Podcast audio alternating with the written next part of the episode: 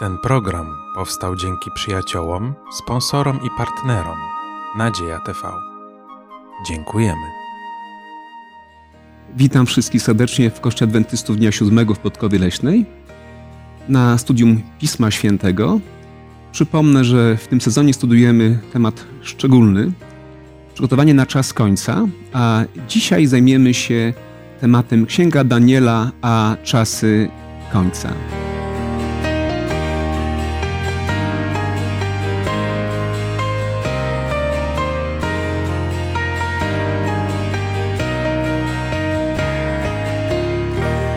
Razem ze mną są tutaj obecni moi przyjaciele Marcin, Igor i Leszek. Witam Was y, serdecznie. A moje imię to Mariusz. Zaczniemy nasze studium jak zwykle od modlitwy do naszego Boga, prosząc Go o mądrość. Dobry, łaskawy nasz Panie, który jesteś w niebie. W tym świecie możemy uczyć się o Tobie nie tylko przez doświadczenie, ale przez Twoje słowo, które dałeś i w którym możemy znaleźć pocieszenie i wiele innych rzeczy, które potrzebne są każdego dnia, abyśmy mogli kroczyć Twoimi drogami, abyśmy nabierali też otuchy. O tym wszystkim będziemy dzisiaj studiować. Boże, Ty daj, aby te wszystkie rzeczy były dla nas jasne i napawały nas radością tam, gdzie Ty zostawiłeś nadzieję. W Twoje ręce się polecamy. Obdarz nas swoim Duchem Świętym. W imieniu Jezusa o to proszę. Amen. Amen. Moi drodzy, ten temat dzisiejszego studium prowokuje mnie do pewnego pytania. Co ma wspólnego starożytna księga Daniela z czasami końca, nawet z naszymi czasami? Księga Daniela powstała mniej więcej w VI wieku, tak? przed naszą erą. Żyjemy w XXI wieku i wierzymy, że te wydarzenia finalne są wciąż przed nami. A więc jaki widzimy związek pomiędzy naszymi czasami, czasami końca, a księgą Daniela? Ja myślę, że, że jest bezpośredni związek, bo, bo w zasadzie, kiedy przewijamy kartki księgi Daniela, to cały czas jest mowa o tym, co się będzie działo na koniec. Na przykład drugi rozdział, prawda, kończy się tym, że czwarty werset kończy tym, że, że, że na końcu zostanie Królestwo Boże, które będzie trwało wiecznie, prawda? Tak samo kończy się siódmy rozdział, tak samo kończy się dalej ósmy rozdział, dziewiąty rozdział i w zasadzie te rozdziały odnosi się właśnie mniej więcej do czasów końca. Poza tym te historie przedstawione w ogóle w księdze Daniela, one często przedstawiają w jaki sposób będzie przebiegała historia świata w czasach końca, która była podobna właśnie do czasów, kiedy ten autor pisał, czyli Daniel, kiedy pisał tą księgę Daniela. Mhm. Czyli tak starożytna księga w swojej formie, a jednocześnie niezwykle dzisiaj aktualna. Zobaczcie, to jest bardzo ciekawy układ, gdy chodzi o, o, o samą księgę i strukturę. Pewne historie przeplatają się z proroctwami. Taka moja teza, być może, być może nieoryginalna. Proroctwa mówią o tym, kiedy nadejdzie koniec, a historie mówią o tym właśnie, jak przygotować się na, na czasy końca. Moi drodzy, mamy niełatwe zadanie, ponieważ mamy dzisiaj pięć rozdziałów niezwykle ciekawych, bardzo obfitych w treść i mamy też niewiele czasu na to studium. A więc próbujmy może przybliżyć sobie bardzo krótko, nie sposób zaglądać do Pisma Świętego i czytać wszystkich tekstów, o czym mówią poszczególne rozdziały. A, a więc rozdział pierwszy, drugi, trzeci, czwarty i pomijamy piąty, rozdział szósty. Zacznijmy od rozdziału pierwszego. Marcin, czy możesz nam przybliżyć treść tego rozdziału? W pierwszym rozdziale przede wszystkim mamy wprowadzenie do historii, a więc widzimy tutaj zdobycie przez króla Nebukadnezara Jerozolimy, kiedy działo się to w trzecim roku króla Judy, Jehoiakima. I w tej historii mamy, historia skupia się głównie na czterech młodzieńcach uprowadzonych z ziemi judzkiej i ci młodzieńcy mają, ich historia szczególnie skupia się na wydarzeniach na dworze króla Nebukadnezara, ponieważ on wybrał ich spośród wszystkich innych, aby pełnili szczególną funkcję, byli przeszkoleni w astrologii, we wszystkich praktykach, których Chaldejczycy, czyli właśnie tacy magowie, astrologowie praktykowali w tamtym okresie. I głównym elementem to jest też taka próba, którą przechodzili odnośnie pożywienia, ponieważ Hebrajczycy nie jedli pewnych potraw, a wiadomo, poganie folgowali sobie w wielu sprawach i król e, dał im pewien przydział ze swojego stołu, a oni nie chcieli tego zaakceptować. A więc młodzi ludzie zdają egzamin. Jest to być może najważniejszy egzamin w ich życiu. E, przed królem jednego z największych, najpotężniejszych państw e, w starożytnym świecie. No właśnie, ta próba, która ma miejsce niejako przy stole. Pomyślałem sobie, przecież oni byli niewolnikami w Babilonie. Mają ofertę jedzenia z najbardziej obfitego stołu na świecie, ze stołu króla Nebukadnesara. Czy nie ma w tym jakiejś arogancji, że młodzi niewolnicy, będąc zaproszeni do korzystania ze stołu, odmawiają spożywania tego, co im proponuje król? Czy nie jest to jakaś pewna arogancja i upór młodych ludzi? Mm, to znaczy, zależy od tego, która, z której strony by na to popatrzeć jeżeli patrzeć od ich strony, to na pewno nie była to arogancja. Arogancją byłoby nieprzestrzeganie tego, co Bóg im nakazał, żeby robili i sobie e, pofolgowali właśnie i korzystali z tego, co daje im król. Mhm. Czyli stawiliby w tym momencie króla przed Bogiem. Natomiast jeżeli patrząc od strony samego władcy, no to była to arogancja, bo oni byli niewolnikami i on uważał, że daje im to, co najlepsze, bo to było z jego stołu. E, więc e, dla niego to nie było do końca zrozumiałe. Mhm. I, I dla jego zarządzających. No właśnie, jeśli nie arogancja, w takim razie co? Możemy też popatrzeć na szerszy kontekst, na rolę Izraela, jaką Bóg im zlecił na świecie, że mieli szerzyć Ewangelię, e, oczywiście Ewangelię Starego Testamentu wcześniej. E, więc to było przede wszystkim zadanie, to było Izraela, i w to też chodziła reforma mhm. zdrowia, więc ona miała tam dotrzeć w pewnym momencie. No niestety Izrael, jak widzimy, nie wypełnił tej roli i w pewnym sensie Pan Bóg przymusił e, ich pojawienie się na dworze króla Babilonu. Dziękuję bardzo. Y, ja, ja, też myślę właśnie, żebyśmy tak, właśnie jak Marcin żebyśmy popatrzyli na tą sytuację y, tak z jednej strony. Musimy pamiętać przede wszystkim, że, że oni y, byli pod, można powiedzieć, pod karą śmierci, bo gdyby nie spożywali, gdyby to się nie spodobało królowi, albo gdyby donoszono królowi, w jaki sposób oni zachowują, to wiadomo, jaki byłby skutek. Z drugiej strony musimy pamiętać, że, że w Izraelu wtedy były wyraźne wytyczne co do posiłków, y, na przykład mięsa, prawda? Jakie mięso powinni byli jeść, jak miało być preparowane to mięso, prawda? Czyli bez krwi, żeby było z czystych zwierząt y, i tak dalej, i tak dalej. Więc, więc naturalnie te wszystkie y, rzeczy no, nie były przestrzegane na, na dworze króla babilońskiego. My o tym jesteśmy przekonani. Więc w tym momencie oni po prostu chcieli być wierni co do zasad, które, które, które wtedy oczywiście wyznawali, prawda? Mm. I, mhm.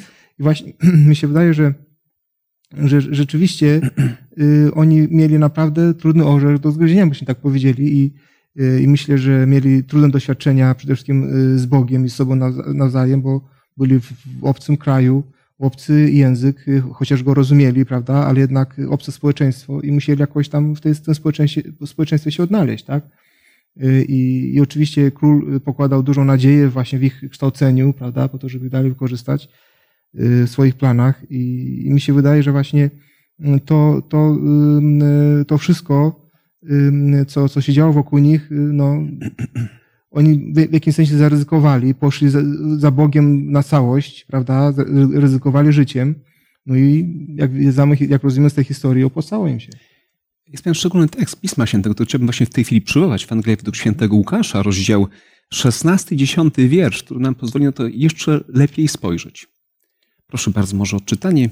Leszku, jeśli, jeśli możesz. Kto jest wierny w najmniejszej sprawie i wielkie jest wierny, a kto w najmniejszej jest niesprawiedliwy i wielkie jest niesprawiedliwy.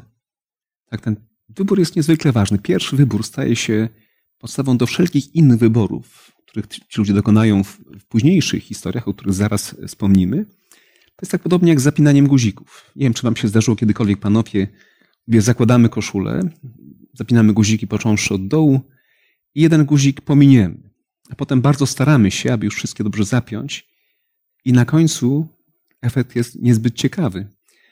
Gdy źle zaczniemy coś, bardzo często jest tak, że źle kończymy. I ta pierwsza próba wiary była podstawą do wszelkich innych późniejszych wyborów. Ale właśnie może przejdźmy do rozdziału drugiego. To jest tym razem proroctwo. Czy możecie przybliżyć, Igor, jeśli możesz? Mhm. Tak, no to, to jest drugi rozdział, drugi jest kontynuacją y, pierwszego hmm. rozdziału. Jest drugi rok panowania Nebukadnezara. No i wtedy y, Pan Bóg zesłał Nebukadnezarowi sen, którego y, przeraził, y, raczej przestraszył. No i w tym momencie Nebukadnezar, będąc królem, był właśnie bardzo aroganckim względem swoich tutaj służących. No i dodał, dał rozkaz, prawda, swoim magom, wróżbitom, czarownikom i tak dalej, Chaldejczykom, aby wyjaśnili mu ten sen, który, który dostał. W zasadzie najpierw przestawił, przestawili mu ten sen, a potem właśnie wyjaśnił okazało się, że, że wszyscy jego poddani, czyli magowie wróżbici, nie mogli y, poradzić się z, z rozkazem króla. No i w tym momencie doszło do, do aha, i, no i w tym momencie król jako, jako kara za, za to, że nie mogli to dokonać, to oczywiście była, była śmierć. Miał wytępić wszystkich magów, wróżbitów. No i w tym momencie tak, tak samo Daniela i trzej młodzieńców. Tak? Yy, więc jak do, nie, do, do, do nich doszło yy, ta wiadomość, to oni się zgłosili do króla, wtedy oni modlili się. To jest y, historia modlitwy Daniela od 16 wersetu do, do zasadzie 24. Y, I, I w wyniku tej modlitwy to Pan Bóg objawił Danielowi treść tego snu i oczywiście interpretację tego snu. I wtedy Daniel przychodzi do króla Nebukadnezara i przedstawia mu sen.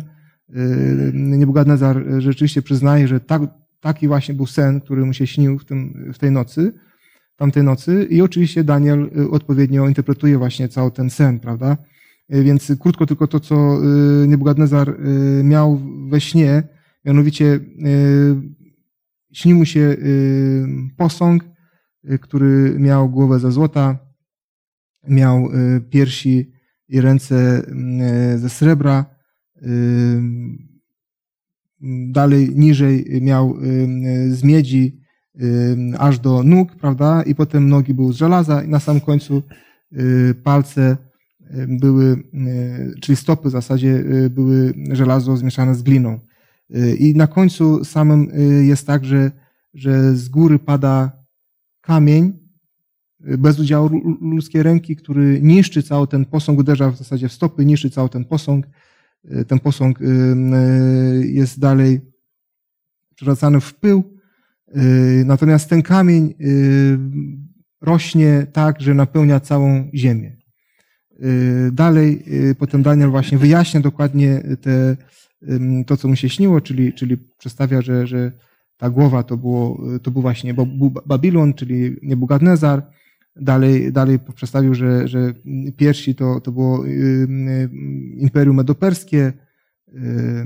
Dalej mieć, to, to, to, był, to, to było królestwo y, czy imperium greckie, a na końcu żelazo to, to jest imperium rzymskie, chociaż o, o tym nie ma w drugim rozdziale, to, to, to możemy po kolei to, to sobie y, wyjaśnić.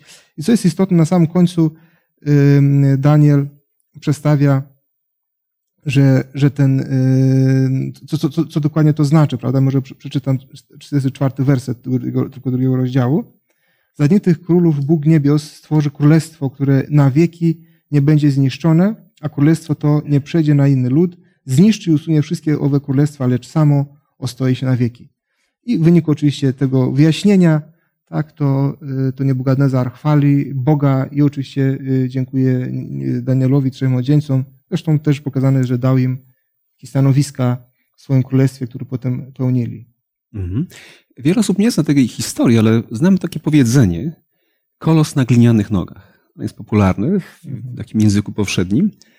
Y, myślę, że ono jest niezwykle ważne. To jest ta część prorocza, która mówi właśnie o czasach końca, ale do tematu wrócimy. Przygotowanie na czas końca. Jak widzimy właśnie w kontekście tego drugiego rozdziału charakter samego Daniela? On to jest tutaj głównym bohaterem, oprócz oczywiście króla Nebukadnesara. Jak ten rozdział ukazuje charakter Daniela.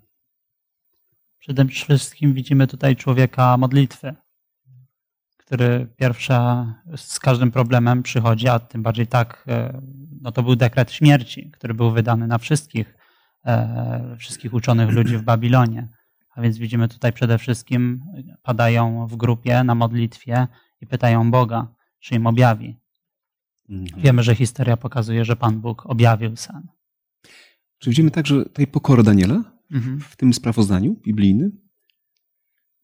Tak, zdecydowanie. Daniel wyraźnie odwołuje się do Boga, prawda, który mu wyjaśnił, znaczy, który mu dał ten sen, wyjaśnił i dokładnie pokazuje to Nebukadnezarowi, bo on był świadom, że to nie jego mądrość, czy jego y, tam, y, powiedzmy, zręczność y, było to, że on, on, on, on poznał ten sen i wyjawił, tylko właśnie Bóg, prawda? I właśnie tutaj widać wyraźnie, że, że Daniel no, przejawia to, że to, to właśnie tą pokorę, która, która naprawdę jest, jest zrozumiana właśnie z jego rozdziału. A lekcja dla nas z tej historii, z przykładu Daniela? Czy my również znamy jakieś tajemnice, których być może inni ludzie nie znają? No zdecydowanie. Mamy wiele takich z, z, rzeczy, które wyróżniają nas wśród innych denominacji, które no, choćby właśnie nauka e, o dziesięciu przykazaniach Bożych, tej wersji właśnie biblijnej, e, no i cała nauka o powtórnym przyjściu Jezusa Chrystusa. To Mhm. też jest coś takiego niezwykłego, która wiąże się z nauką o świątyni. Taki plan zbawienia, prawda? Który znamy z Pisma Świętego Mhm. i możemy tą wiedzę przypisać niejako sobie i czuć się lepszymi od tych, którzy jej nie znają, ale możemy podobnie jak Daniel powiedzieć, że to tak naprawdę wszystko pochodzi od tego, który jest w niebie. Jemu to zawdzięczamy i być podobnie pokornymi właśnie jak, jak, jak Daniel. Ale ja chciałem jeszcze dodać, że tak, na, tak najbardziej istotną rzeczą, którą tutaj mamy, to jest nasza znajomość Boga, bo jeżeli jesteśmy osobami wierzącymi, mamy z Bogiem doświadczenia, to możemy się tym dzielić. I to są naprawdę rzeczy takie niezwykłe, które pomagają innym ludziom też do, dotrzeć do Boga. Nie? I w końcu rozdział trzeci, dochodzimy do połowy mniej więcej naszego studium. E, Owa słynna próba, to jest rozdział, który jest pełen, pełen emocji. Jeden z najbardziej tragicznych e, podczas te, w tym naszym studium. O czym ten trzeci rozdział e, mówi? Leszku, gdybyś nam to przybliżył. No, Nebukadnezar postanowił sobie któregoś dnia, że zbuduje duży właśnie posąg, ale cały ze złota. E, I jego postanowienie było takie, żeby wszyscy jego poddani kłaniali się. Więc zgromadził tych swoich przywódców, książąt z różnych części i nakazał, aby oddali cześć temu posągowi. E, Oczywiście znalazło się trzech niepokornych Judejczyków, którzy nie chcieli tego uczynić, bo wiązało się to z ich przekonaniami w to, w co wierzyli. No i ta ich wiara zostaje doświadczona dosyć mocno, bo zostają wrzuceni do pieca, z, którego, z którego tego doświadczenia wychodzą ogromną, obronną ręką, gdzie interweniuje Bóg, ratuje ich stamtąd. No i jest to też ogromne e, doświadczenie dla samego króla, który uznaje wyższość i e, Boga Judejczyków. Zobaczcie, w jakim sensie ta historia łączy się z drugim rozdziałem. Tam mieliśmy posąg, tylko jedna część tego posągu odnosiła się do króla Nebukadnesara. On próbuje zmienić ten Boży plan. Mówi, Panie Boże, tak naprawdę będzie inaczej. Ja jestem potężnym królem. Cała historia będzie historią moją, historią yy, złotą, prawda? Więc jakaś taka, taki przejaw buntu, mimo tej wcześniejszej lekcji no, Bożej mądrości, Bożej potęgi. Ale gdybyśmy to odnieśli do przyszłości, czy również znajdujemy w innych fragmentach Pisma Świętego y, podobne myśli, podobną sytuację, gdzie również wiara ludzi poddana jest próbie, a przecież mówimy o czasach końca.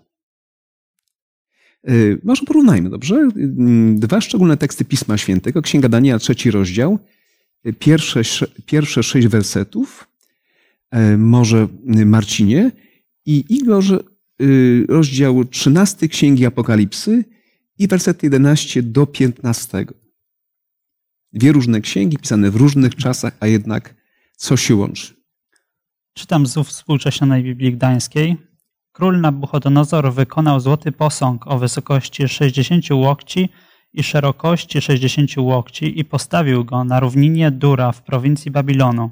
Wtedy król Nabuchodonozor rozesłał posłów, aby zebrali książąt, starostów, dowódców, sędziów, skarbników, prawników, urzędników i wszystkich przełożonych prowincji, aby przyszli na poświęcenie posągu, który wystawił król Nabuchodonozor. Wtedy zgromadzili się książęta, starostowie, dowódcy, sędziowie, skarbnicy, prawnicy, urzędnicy i wszyscy przełożeni prowincji na poświęcenie posągu, który wzniósł król Nabuchodonozor i stanęli przed posągiem, który wystawił Nabuchodonozor. A Herold zawołał donośnym głosem: Rozkazuję wam ludy, narody i języki. W chwili, gdy usłyszycie dźwięk trąby, fletu, harfy, sambułki, psauterionu, cymbałów i wszelkiego instrumentu muzycznego, macie paść i oddać pokłon złotemu posągowi, który wystawił król Nabuchodonozor. A kto nie upadnie i nie odda pokłonu, zostanie w tej samej godzinie wrzucony do pieca rozpalonego ogniem. Tak, dziękuję. I Księga Apokalipsy? Widziałem inne zwierzę wychodzące z ziemi, które miało dwa rogi podobne do baranich i mówiło jak smok. A wykonuje ono wszelką władzę pierwszego zwierzęcia na jego oczach. Ono to sprawia, że ziemia i jej mieszkańcy oddają pokłon pierwszemu zwierzęciu, którego śmiertelna rana była wygojona. I czyni wszelkie cuda, także i ogień z nieba spuszcza na ziemię na oczach ludzi i zwodzi mieszkańców ziemi przez cuda, które dano mu czynić na oczach zwierzęcia, namawiając mieszkańców ziemi, by postawili posąg zwierzęciu, które ma ranę od miecza, a jednak zostało przy życiu. I dano mu tchnąć ducha w posąg zwierzęcia, aby posąg zwierzęcia przemówił i sprawił, że wszyscy, którzy nie oddali pokłonu posągowi zwierzęcia, zostaną zabici. A więc ta historia z czasów y, Daniela powtórzy się na znacznie większą skalę w czasach końca. Y, jakie tedy dostrzegamy podobieństwa pomiędzy tamtą historią, a tym, co, co przed nami, co ma się dopiero według Księgi Apokalipsy wydarzyć? W Księdze Daniela przede wszystkim widzimy zebranie przynajmniej przedstawicieli wszystkich ważniejszych grup. E, tutaj mamy przełożonych, mm dowódców, prawda, prawników, urzędników, Także widzimy, że no, sama śmietanka, można by powiedzieć, ówczesnego czasu się zebrała. Także możemy się spodziewać, że w przypadku wydarzeń z apokalipsy będzie podobnie. A kwestia czci? Oddania czci w jednej i drugiej historii? No przede wszystkim w jednej i drugiej historii, historii jest siłą narzucane to, w co ludzie mają wierzyć. E, jeszcze może jedna rzecz istotna. Powszechny dekret śmierci.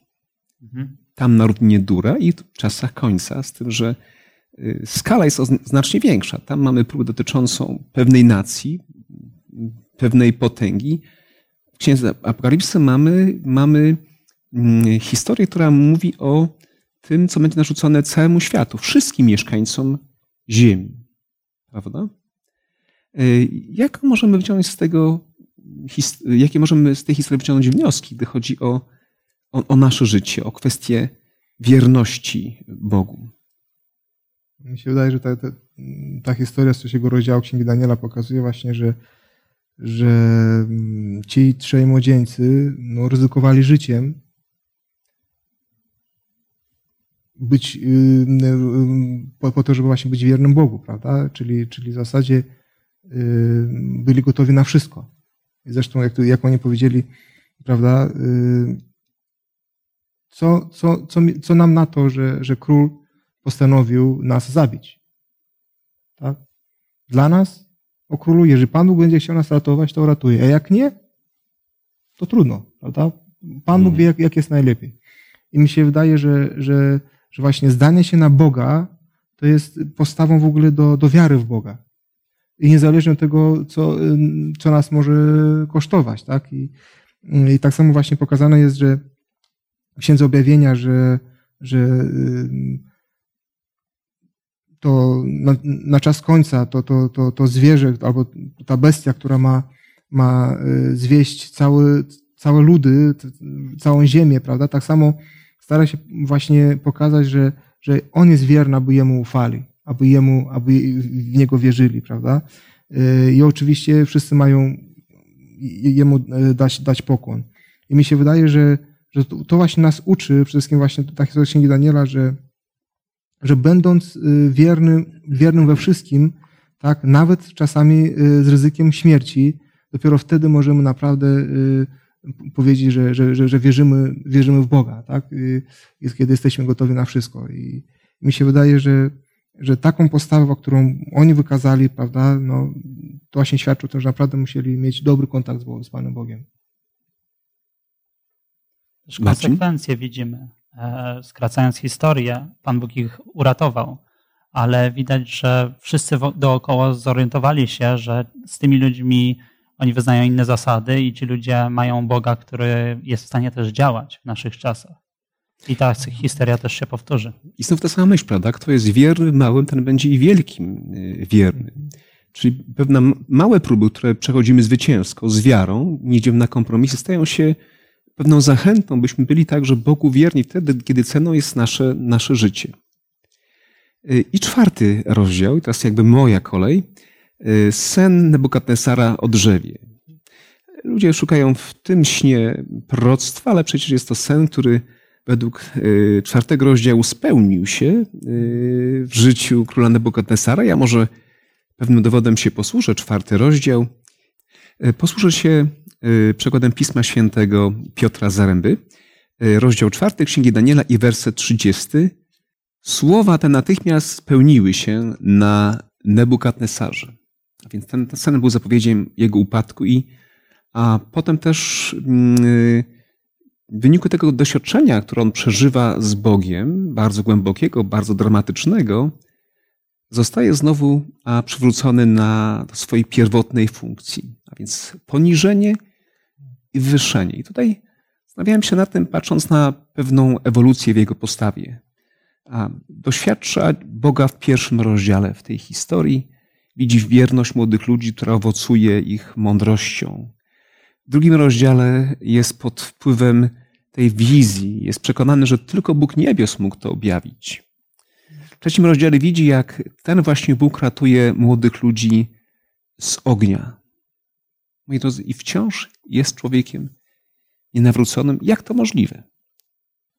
No, mi się wydaje właśnie, że że Pan Bóg cały czas zbliżał się do Nebukadnezara przez te wszystkie doświadczenia. Pamiętajmy też, że, że w tamtej mentalności, w tamtym świecie y, ludzie wierzyli więcej bogów niż jeden Bóg. Mieli, Nebukadnezar miał głównego boga swojego Marduka. Kiedy podbił, kiedy według pierwszego rozdziału, kiedy podbił właśnie Judę, to wziął z sobą naczynia z domu Bożego, gdyby była arka, to by wziął arkę jako właśnie trofeum zwycięstwa nad, Judejczykami. I, jak jest napisane w drugim wersecie, i on to przy, przyniósł do skarbca swojego Boga, czyli w zasadzie przy swoim Bogu. Znaczy mówiąc, to nie jest tak, że Nebukadnezar nie wierzył w Boga Jahwe. Jak najbardziej wierzył od samego początku. Tylko jako mniejszy Bóg, czyli mniejszy Bóg od e, Marduka. Prawda? I on rozumiał, że to, co dokonywał Bóg Jahwe, prawda, to oczywiście dokonuje jako Bóg, który jest pomniejszym Bogiem od Marduka i, i, i tak go traktował cały czas, prawda? Więc, więc wyraźnie y, Nebukadnezar pokazywał, że, że to jest Bóg, który działa już w jego imperium, tak? Y, w jego królestwie, tego, że, że, że zabrał go z, z Judei do, do siebie. I teraz y, w czwartym rozdziale po prostu Pan Bóg zaczyna pokazać, że, że, że on ma władzę nad całym światem jednak, tak? Zresztą już według historii drugiego i trzeciego rozdziału to możemy rozumieć. I tak samo władzę nawet nad jego życiem. Y, I, i to, jest, to jest już to, to co, co pokazywało Nebukadnezarowi w zasadzie przez całą tą historię, tak, czwartego rozdziału, że, że Bóg jednak ma władzę ponad Mardukiem. Także jest, jednak jest o wiele większy od Marduka mhm. i on jest ten, który naprawdę trzyma życie każdego człowieka w swojej ręce. I tak samo życie króla Nebukadnezara. Tak, ale czwarty rozdział, zobaczcie, on mówi o czymś szczególnym. Mówi o tym, że Bóg zmienił e, królowi serce. A jest obietnica w Piśmie Świętym, gdzie Bóg mówi bezpośrednio, że zabierze serca kamienne z naszego wnętrza, da nam serca mięsiste. I to stało się udziałem tego króla starożytnego. A czy to jest w ogóle ważne? Jak wam się wydaje? Mamy znajomość Biblii, mamy przekonanie o tym, że Bóg naprawdę istnieje, nawet dobrą znajomość proroc, wiemy, co się wydarzy w przyszłości. Czy ważna jest również a, ta przemiana naszego serca, jeśli chodzi o przygotowanie na czasy końca? No, element y, zbawienia czy poznania przez nas Boga no jest mimo wszystko procesem, prawda? E, każdy z nas w pewnym momencie może powiedzieć, że zaczął kroczyć tą drogą, zbliżając się do Pana. E, myślę, że Nabukadnezar też w tym momencie akurat dokonała się w nim szczególna przemiana, chociaż to był też pewien proces, który, który trwał już od dłuższego czasu. I to jest też takie nasze zadanie, że obcowanie z innymi ludźmi pokazuje im, że e, jesteśmy inni mimo wszystko, w tym dobrym oczywiście tego słowa znaczeniu. Czyli sama znajomość, sama wiedza o Bogu nie pomaga, dopóki nie ma tej przemiany wewnętrznej. Pewien człowiek przybył do Pana Jezusa na takie nocne spotkanie i on był znawcą Biblii. Sam też doskonale znał także proroctwa Daniela. Żydzi mieli zrozumienie tych właśnie proroctw również w tamtych czasach.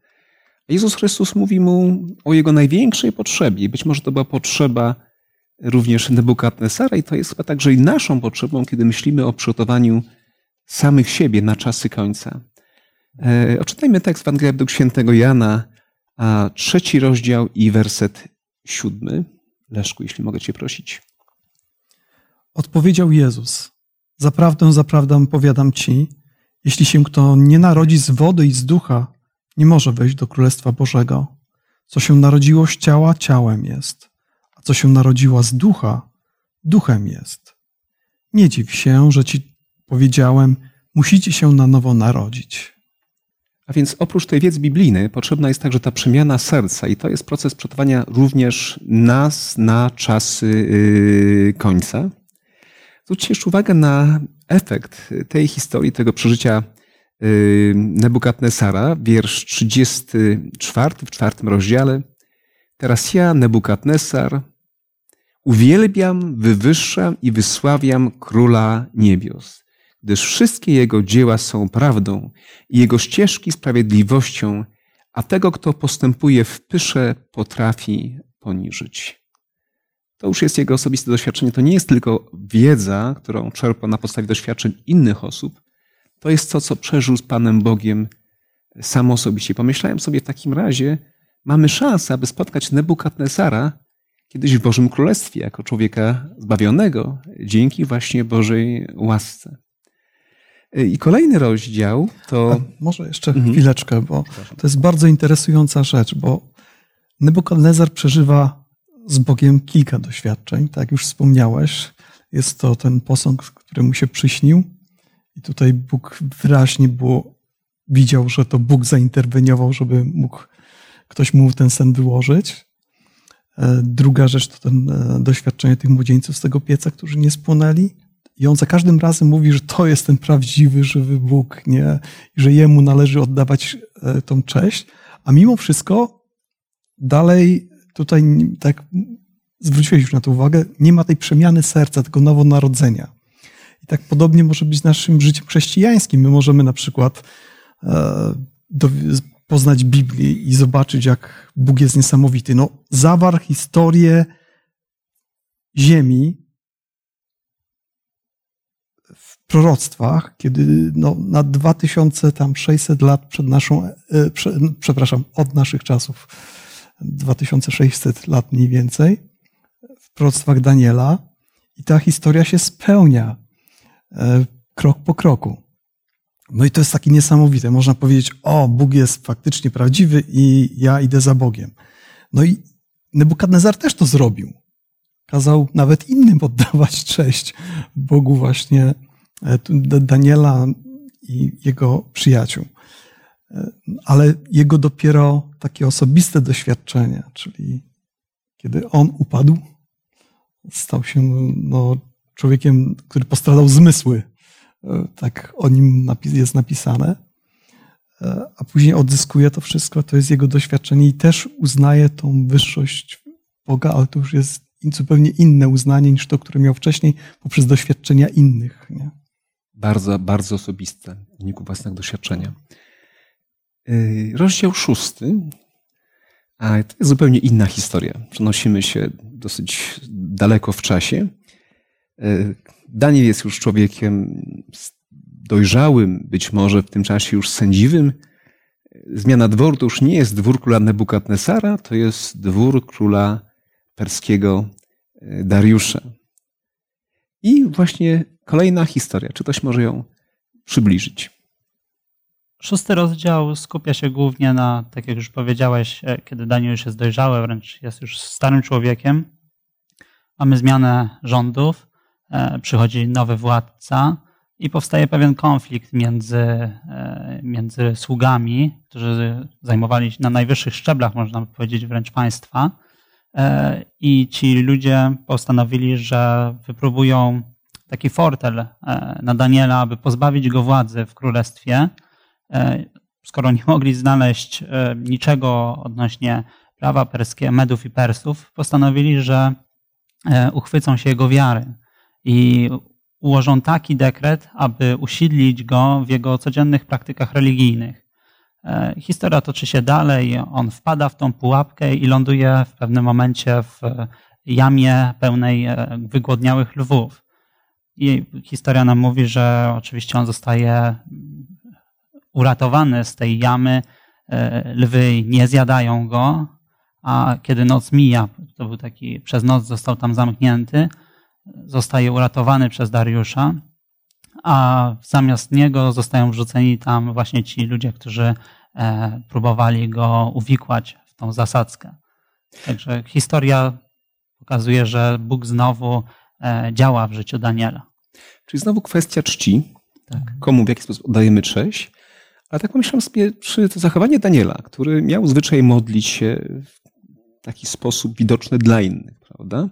Czy nie jest jakimś zachowaniem prowokacyjnym? Jeśli wychodzi dekret, który nie pozwala na modlitwę, mógł modlić się tak, jak mówi Jezus, żeby pójść do izdebki, gdzieś modlić się w cichości swojego serca. I myślę, że wtedy nie byłby w konflikcie z tym właśnie nowym prawem, które, jak słusznie mówicie, było zasadzką, ale zachowuje się w taki sposób nieco prowokacyjny nic nie zmienia w swoich praktykach modlitewnych, modli się oficjalnie, publicznie, no i w ten sposób naraża się na, na poważny problem.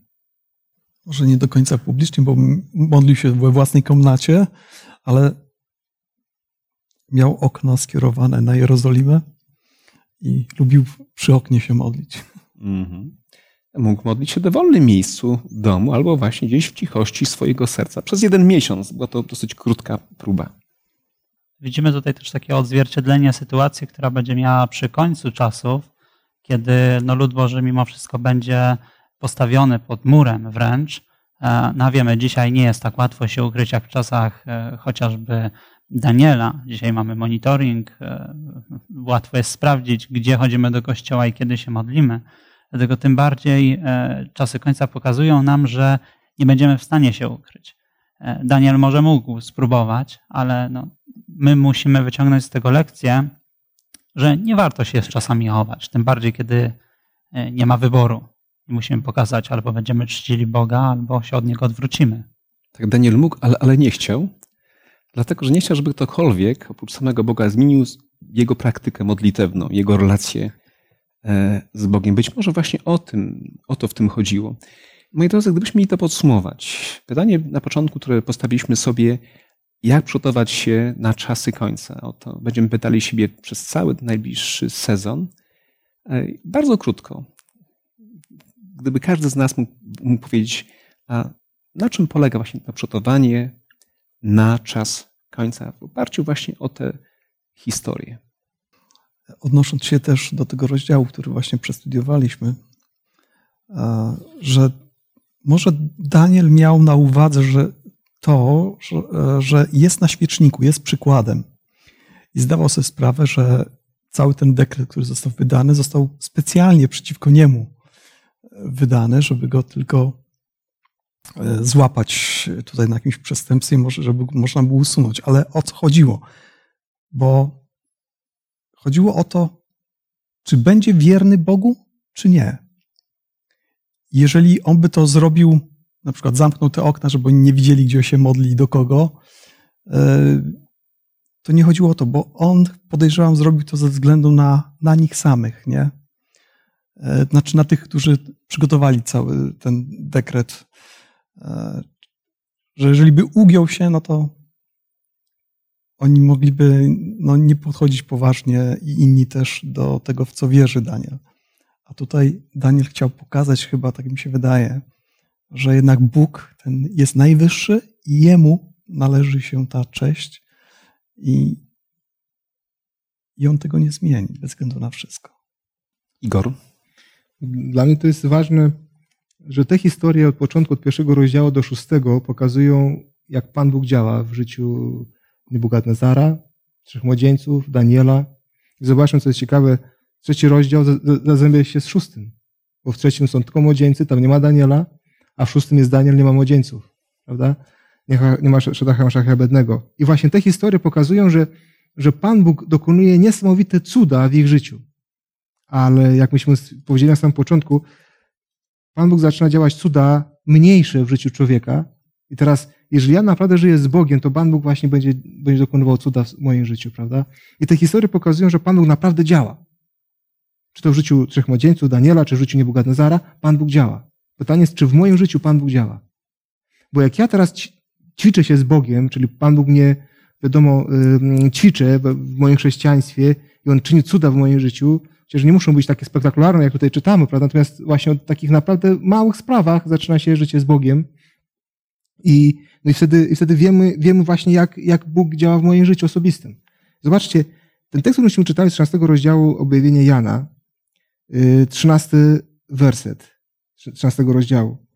I czyni wielkie cuda, tak iż ogień z nieba spuszcza na ziemię na oczach ludzi.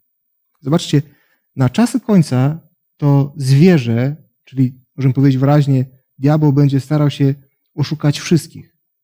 A co znaczy, że będzie spuszczał ogień z nieba? Jakie doświadczenie nam się zbliża? Eliasza, prawda? Bo wtedy właśnie spadł ogień z nieba. Znaczy mówiąc, szatan będzie się starał czynić cuda, które Bóg dokonuje. I w tym momencie pytanie jest, jak ja poznam, jak ja rozpoznam, czy to zrobił Pan Bóg, czy to zrobił diabeł. I w tym momencie, zobaczcie, przypomina się mi znowu życie, e, historia Abrahama, kiedy, kiedy Pan do niego przyszedł i powiedział, słuchaj, weź swojego syna i przynieś na ofiarę. Skąd Abraham był pewny, że to był głos Pana Boga?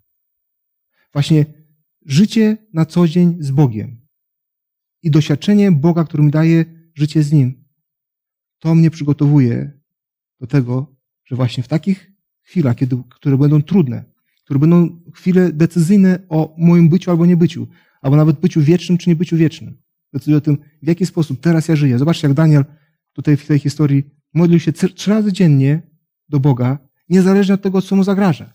Prawda? Czy ja będę, czy w moim życiu Bóg jest ponad wszystko? Czy ja jestem w stanie tak ryzykować czasami, żeby być z Bogiem? Czy potrafię naprawdę oddalić wszystko w moim życiu, tylko żeby, żeby zostać Panem Bogiem?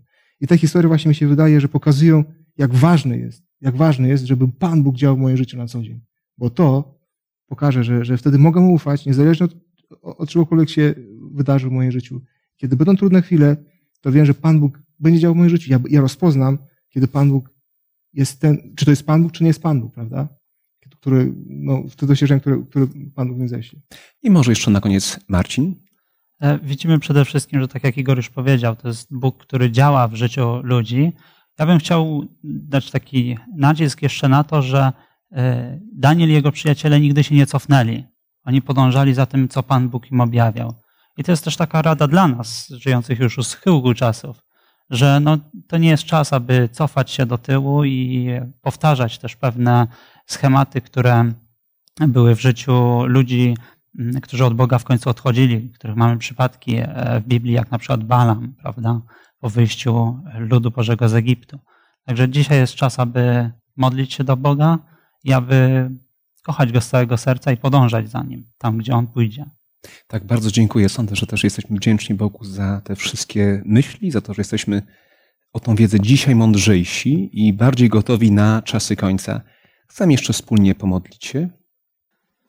Dobry Boże, Dziękuję Ci za to studium, za to, że Ty szczególnie nas chcesz pokierować w tych czasach końcowych, zaraz przed Twoim przyjściem. Proszę Cię, Panie Boże, abyś dodał nam mądrości w studiowaniu tych, e, tych tematów, które teraz są poruszane.